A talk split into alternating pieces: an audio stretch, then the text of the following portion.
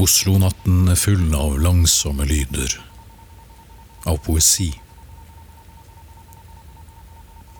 Et tog som visler langs et spor i fart mot nytt sted. En vind på full fart mot annet hold. Kvinnen i etasjen over meg onanerer. Jeg hører det hver kveld, vi nevner det selvsagt aldri når vi møtes i trappegangen dagen etter. Veggene mellom oss, som er som papir. Rykninger som rytmiske spark i gipsplater mot leggetid.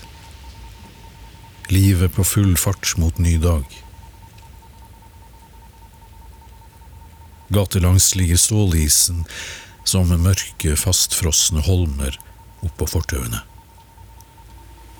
Trafikklysenes rytmiske blink speiler seg i mattsvart, innefrosset småstein og grusbiter. Sprenger seg til det ytterste av overflaten. Skjærer opp innefrosset lyst. Som hos henne i etasjen over meg når det går for henne. Det er noe absurde tiltalende med innefrosset lyst som plutselig smelter.